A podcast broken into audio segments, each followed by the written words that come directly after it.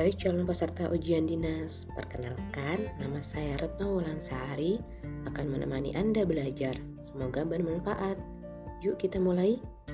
Sekarang kita masuk ke materi nomor 2, pengolahan surat keluar. 1. Pengolahan surat oleh pejabat teknis.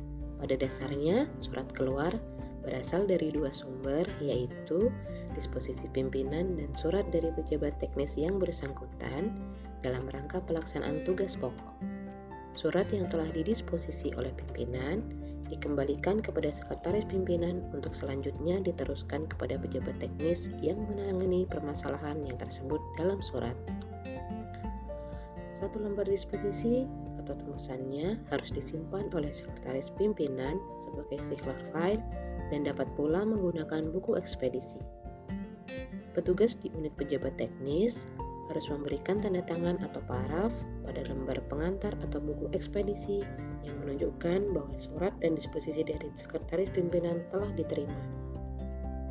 Berdasarkan disposisi dari pimpinan, pejabat teknis mengambil langkah-langkah mengumpulkan bahan untuk menyusun konsep surat jawaban. Langkah pertama yaitu menginventarisasi masalah yang kaitannya dengan hal yang tersebut di surat dan menyusun konsep surat secara sistematis sampai dengan penandatanganan surat. Penyiapan surat keluar antara lain disebabkan adanya kebijakan pimpinan, reaksi atas suatu aksi, atau adanya konsep baru atas inisiatif pejabat yang menangani tugasnya. Setelah surat ditandatangani oleh pimpinan, Selanjutnya, sekretaris pimpinan menyerahkan surat kepada unit atau petugas pencatatan untuk diberi nomor dan distempel serta untuk dicatat dalam buku atau aplikasi digital persuratan. Setelah surat itu diberi nomor dan dicap atau distempel, maka selesailah proses pembuatan surat oleh pejabat teknis dan sekarang surat siap untuk diteruskan ke bagian pengiriman untuk dikirimkan ke alamat yang dituju. 2 pengiriman surat. Dalam suatu instansi besar, pengiriman surat juga biasanya disentralisir, yaitu dilakukan oleh unit tersendiri. Dalam uraian ini, bagian tersebut kita namakan bagian ekspedisi. Unit ini dipimpin oleh seorang pejabat dan dilengkapi sejumlah tenaga, termasuk pelaksana pengirim surat atau caraka, dan dilengkapi dengan sarana yang memadai. Sebelum surat itu dikirim, Petugas di bagian ekspedisi melakukan pengecekan kembali atas surat-surat tersebut dan melakukan langkah-langkah sebagai berikut. A. Surat-surat dicek apakah sudah ditandatangani, diberi nomor, tanggal, cap instansi, dicek juga apakah lampirannya sudah lengkap. B. Surat-surat yang sudah lengkap dimasukkan ke dalam sampul surat. C. Untuk surat sangat rahasia atau rahasia digunakan sampul rangkap dua. Kode rahasia surat dicantumkan pada amplop dalam. D. Pada sampul surat dicantumkan alamat kepada siapa surat itu ditujukan, nama surat, cap instansi, dan klasifikasi surat. Bila dianggap perlu, pada sampul surat dibubuhi tanda-tanda lain misalnya segera, sangat segera atau kilat, surat dinas, bebas biaya, dan sebagainya. Setelah surat itu lengkap, maka siap untuk dilakukan pengiriman ke alamat yang dituju. Pengiriman surat dapat dilakukan melalui pengantar surat atau caraka atau melalui pos. Dengan teknologi komunikasi, surat juga dapat dikirim via faksimiles, email, atau sejenisnya, tetapi surat ini tidak memerlukan sampul surat. Surat-surat yang bersifat sangat rahasia atau rahasia sebaiknya tidak dikirim melalui cara ini. Untuk surat dinas, walaupun cara pengirimannya dapat dilakukan dengan faksimal atau email, hasil surat tetap dikirimkan kepada instansi yang dikirimkan surat. 3. Penyusunan surat atau korespondensi. Setelah semua data terkumpul dan telah dibahas, maka langkah yang dilakukan untuk menyusun suatu surat adalah sesuai langkah-langkah korespondensi sebagai berikut. 1. Pendikteian Apabila pimpinan atau pejabat teknis tidak ingin menulis sendiri konsep surat karena ia ingin berkonsentrasi pada masalah-masalah yang akan dituangkan dalam surat, maka dapat dilakukan proses pendiktean hal-hal penting yang akan disampaikan dalam surat dan stafnya akan menulis di kertas konsep. Seiring dengan peningkatan kualitas SDM, maka kegiatan pendiktean tidak digunakan lagi di Kementerian Keuangan. Pimpinan memerintahkan pegawai untuk menyusun konsep surat dan konsep langsung diketik. 2. Pengetikan dalam penyusunan konsep surat dinas, semula konsep diketik pada lembar konsep verbal, yaitu lembar yang dibuat khusus untuk membuat konsep surat-surat dinas. Kertas konsep verbal terdiri atas kertas halaman ganda atau double folio yang dilipat dua, bagian dalamnya tertulis seperti contoh di bawah, dan bagian belakangnya kosong. Konsep surat harus diketik di bagian belakang dalam konsep verbal. Karena beberapa alasan teknis, biasanya konsep surat dibuat tidak pada lembar konsep verbal, tapi dibuat di lembar kertas lain dan apabila telah disetujui, konsep itu diletakkan pada lembar konsep verbal bagian dalam. Konsep surat diketik, penyiapan atau penyusunan konsep surat keluar di lingkungan Kementerian Keuangan disusun oleh pejabat atau pegawai yang ditunjuk atau ditugaskan dalam pengetikan konsep surat dinas dibuat sebagai berikut. A. Lembar 1. Konsep surat dinas mencantumkan paraf dan tanda tangan pejabat terkait, serta setelah penandatanganan dilakukan penyimpanan atau pemberkasan. B. Lembar 2. Konsep surat dinas yang tidak mencantumkan paraf dan tanda tangan pejabat, dan setelah pelaksanaan tanda tangan dikirimkan kepada pihak yang akan dikirimkan surat dinas dimaksud. C. Setelah surat dikonsep, dijadikan satu dengan verbal surat. 3. Penelitian setiap konsep yang akan diajukan kepada pimpinan terlebih dahulu harus diteliti dahulu oleh yang berwenang atau yang diberikan wewenang untuk meneliti konsep. Konsep surat dibuat dalam rangkap dua sebelum ditandatangani oleh pejabat yang berwenang, salah satu konsep dibubui paraf dahulu oleh dua pejabat di bawahnya. Misalnya, untuk penandatangan surat eselon 2, maka paraf yang dibubuhkan sebelah kiri adalah pejabat eselon 4 dan paraf di sebelah kanan adalah eselon 3. 4. Penandatanganan Setelah konsep diteliti dan diparaf, diajukan kepada pimpinan untuk ditandatangani. Pengajuan penandatanganan bersama dengan verbal surat yang isi konsep surat telah diteliti dan dikoordinasikan oleh setiap pejabat yang terlibat dalam pembuatan surat. Setelah penandatanganan, maka surat yang ada parafnya digunakan untuk arsip yang bersangkutan dan yang tanpa paraf untuk dikirimkan. Contoh belangko konsep verbal seperti tertera di bawah ini berdasarkan pedoman tata naskah dinas di lingkungan Kementerian Keuangan nomor 136 garis miring PMK titik 01 garis miring 2018. Nah, sekarang muncul ilustrasi, silakan akses modulnya dan pahami maksudnya. Lanjut ya. C. Asas tata persuratan.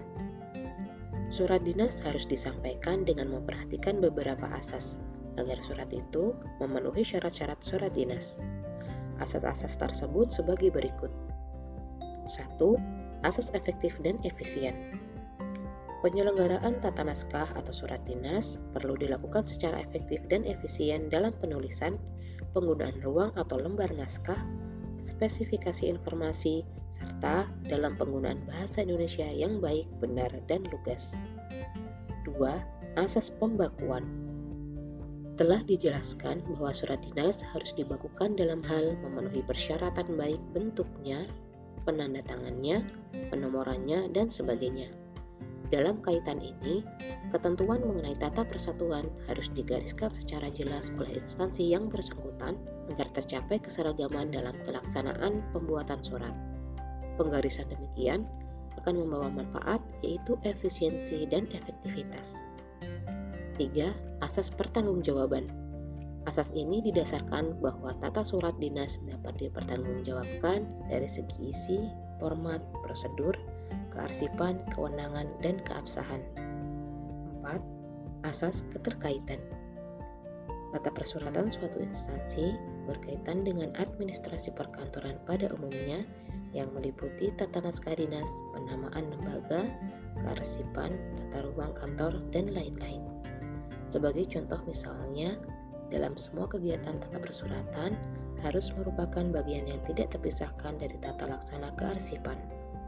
Dalam kaitan ini, setiap kali dibuat surat harus diperhatikan bahwa surat itu harus ada arsipnya. 5. Asas kecepatan dan ketepatan. Pembuatan surat merupakan salah satu pelaksanaan tugas dan fungsi dari suatu organisasi atau suatu instansi. Oleh karena itu, untuk menunjang kelancaran tugas organisasi tersebut, pembuatan surat harus dilaksanakan tepat waktu dan tepat sasaran, antara lain dilihat dari kejelasan redaksional, kemudahan prosedural, serta kecepatan penyampaian dan distribusikan secepat mungkin. 6. Asas keamanan Isi surat dinas harus aman, baik secara fisik dan substansi mulai dari penyusunan, klasifikasi atau kualifikasi, penyampaian, kearsipan, dan distribusinya.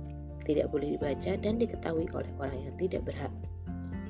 Dalam kaitan ini, para petugas yang menangani surat dinas tidak diperkenankan memberitahukan isi surat tersebut kepada siapa pun yang tidak berhak. Dalam peraturan kedinasan, hal ini bisa disebut rahasia jabatan. Di wewenang penandatanganan surat. Pada hakikatnya, pada surat keluar menjadi tanggung jawab dan harus ditandatangani oleh pimpinan tertinggi instansi dimaksud di lingkungan Kementerian Keuangan harus ditandatangani oleh Menteri Keuangan. Tetapi dalam praktek pelaksanaan tugas, terutama bagi organisasi atau instansi besar seperti Kementerian Keuangan, Hal ini tidak mungkin karena jumlah pekerjaan yang begitu besar. Untuk menjamin kelancaran tugas, dimungkinkan adanya perimpahan wewenang penandatanganan surat, yaitu penyerahan sebagian dari kekuasaan pimpinan kepada bawahannya, agar bawahannya dapat membantu dalam penandatanganan surat. Tindakan bawahan menggunakan kekuasaan atas dasar pelimpahan wewenang dinamakan bertindak atas kuasa. Pelimpahan dalam hal penandatanganan surat ada dua macam, yaitu atas nama disingkat A titik N titik serta untuk beliau disingkat U titik B titik. Satu, atas nama disingkat A titik N titik. Penggunaan sebutan atas nama dipakai apabila pejabat yang berwenang menandatangani surat atau dokumen melimpahkan kepada pejabat di bawahnya. Persyaratan yang harus dipenuhi adalah sebagai berikut. A. Pelimpahan wewenang dalam bentuk tertulis. B.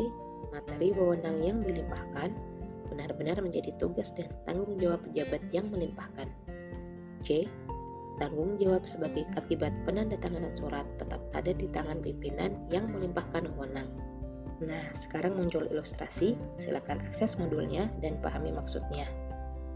Contoh penggunaan atas nama A titik N titik pada gambar 3.10. Lanjut ya.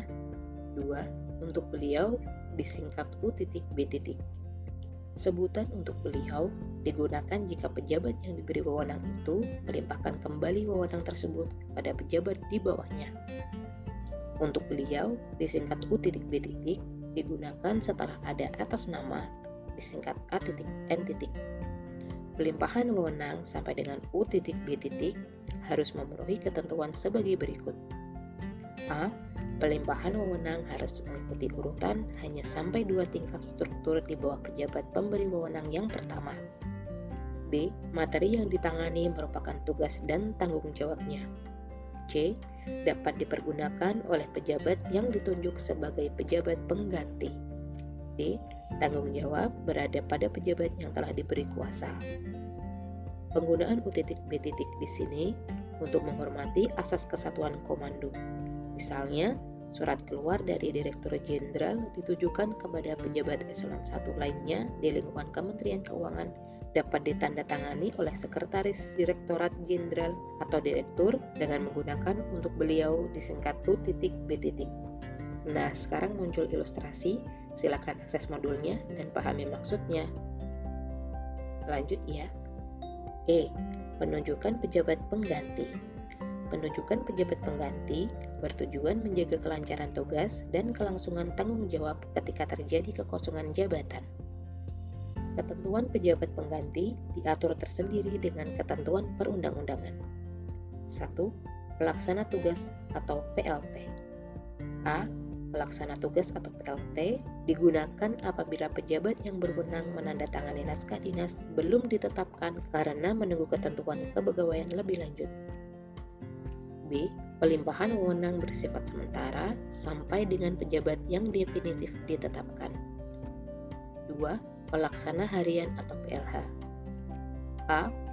Pelaksana harian atau PLH digunakan apabila pejabat yang berwenang menandatangani naskah dinas tidak berada di tempat sehingga untuk kelancaran pelaksanaan sehari-hari perlu ada jabatan sementara yang menggantikannya. B. Pelimpahan wewenang bersifat sementara sampai dengan pejabat yang definitif kembali ke tempat. C.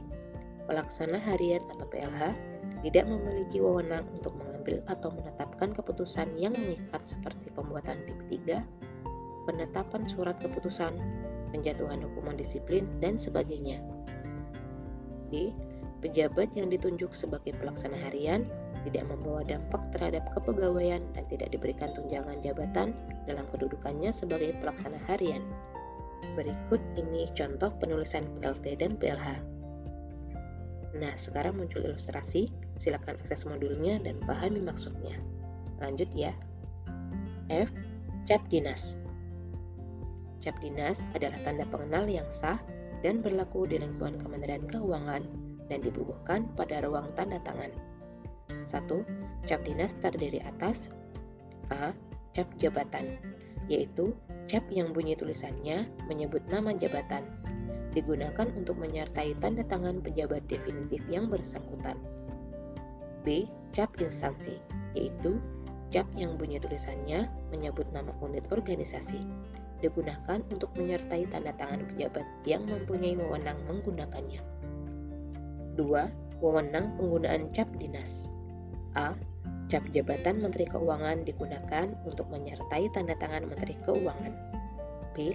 Cap instansi Kementerian Keuangan digunakan untuk menyertai tanda tangan pejabat pengganti Menteri Keuangan serta Wakil Menteri Keuangan dan pejabat eselon 1 ke bawah yang diberi wewenang menandatangani naskah dinas atas nama disingkat A titik N titik atau untuk beliau disingkat U titik B titik Menteri Keuangan sesuai ketentuan. C. Cap jabatan digunakan untuk menyertai tanda tangan pejabat definitif yang bersangkutan atau pejabat yang bertindak pemangku jabatan atau PJ dalam hal pengangkatan jabatan struktural yang belum memenuhi persyaratan dalam pangkat permulaan jabatan yang bersangkutan. D.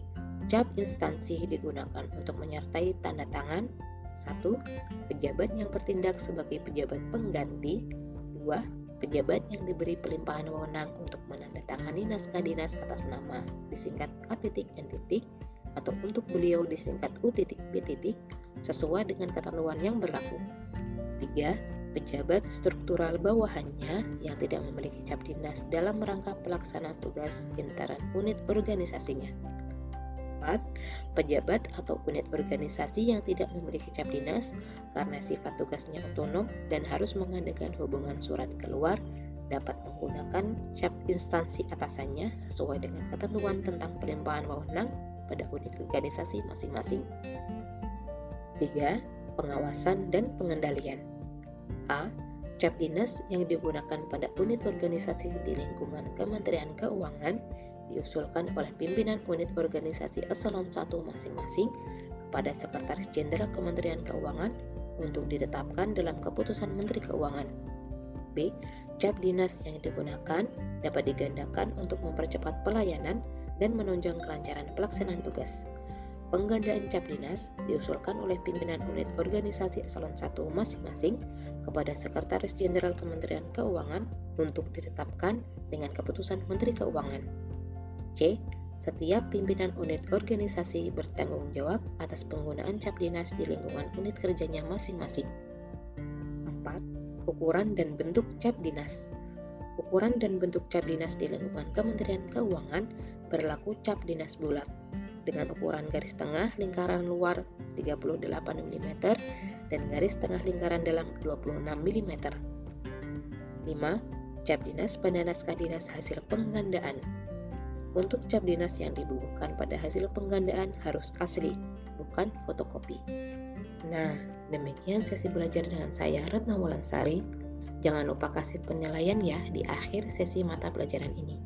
Selanjutnya akan diteruskan oleh teman saya. Semoga sukses. thank you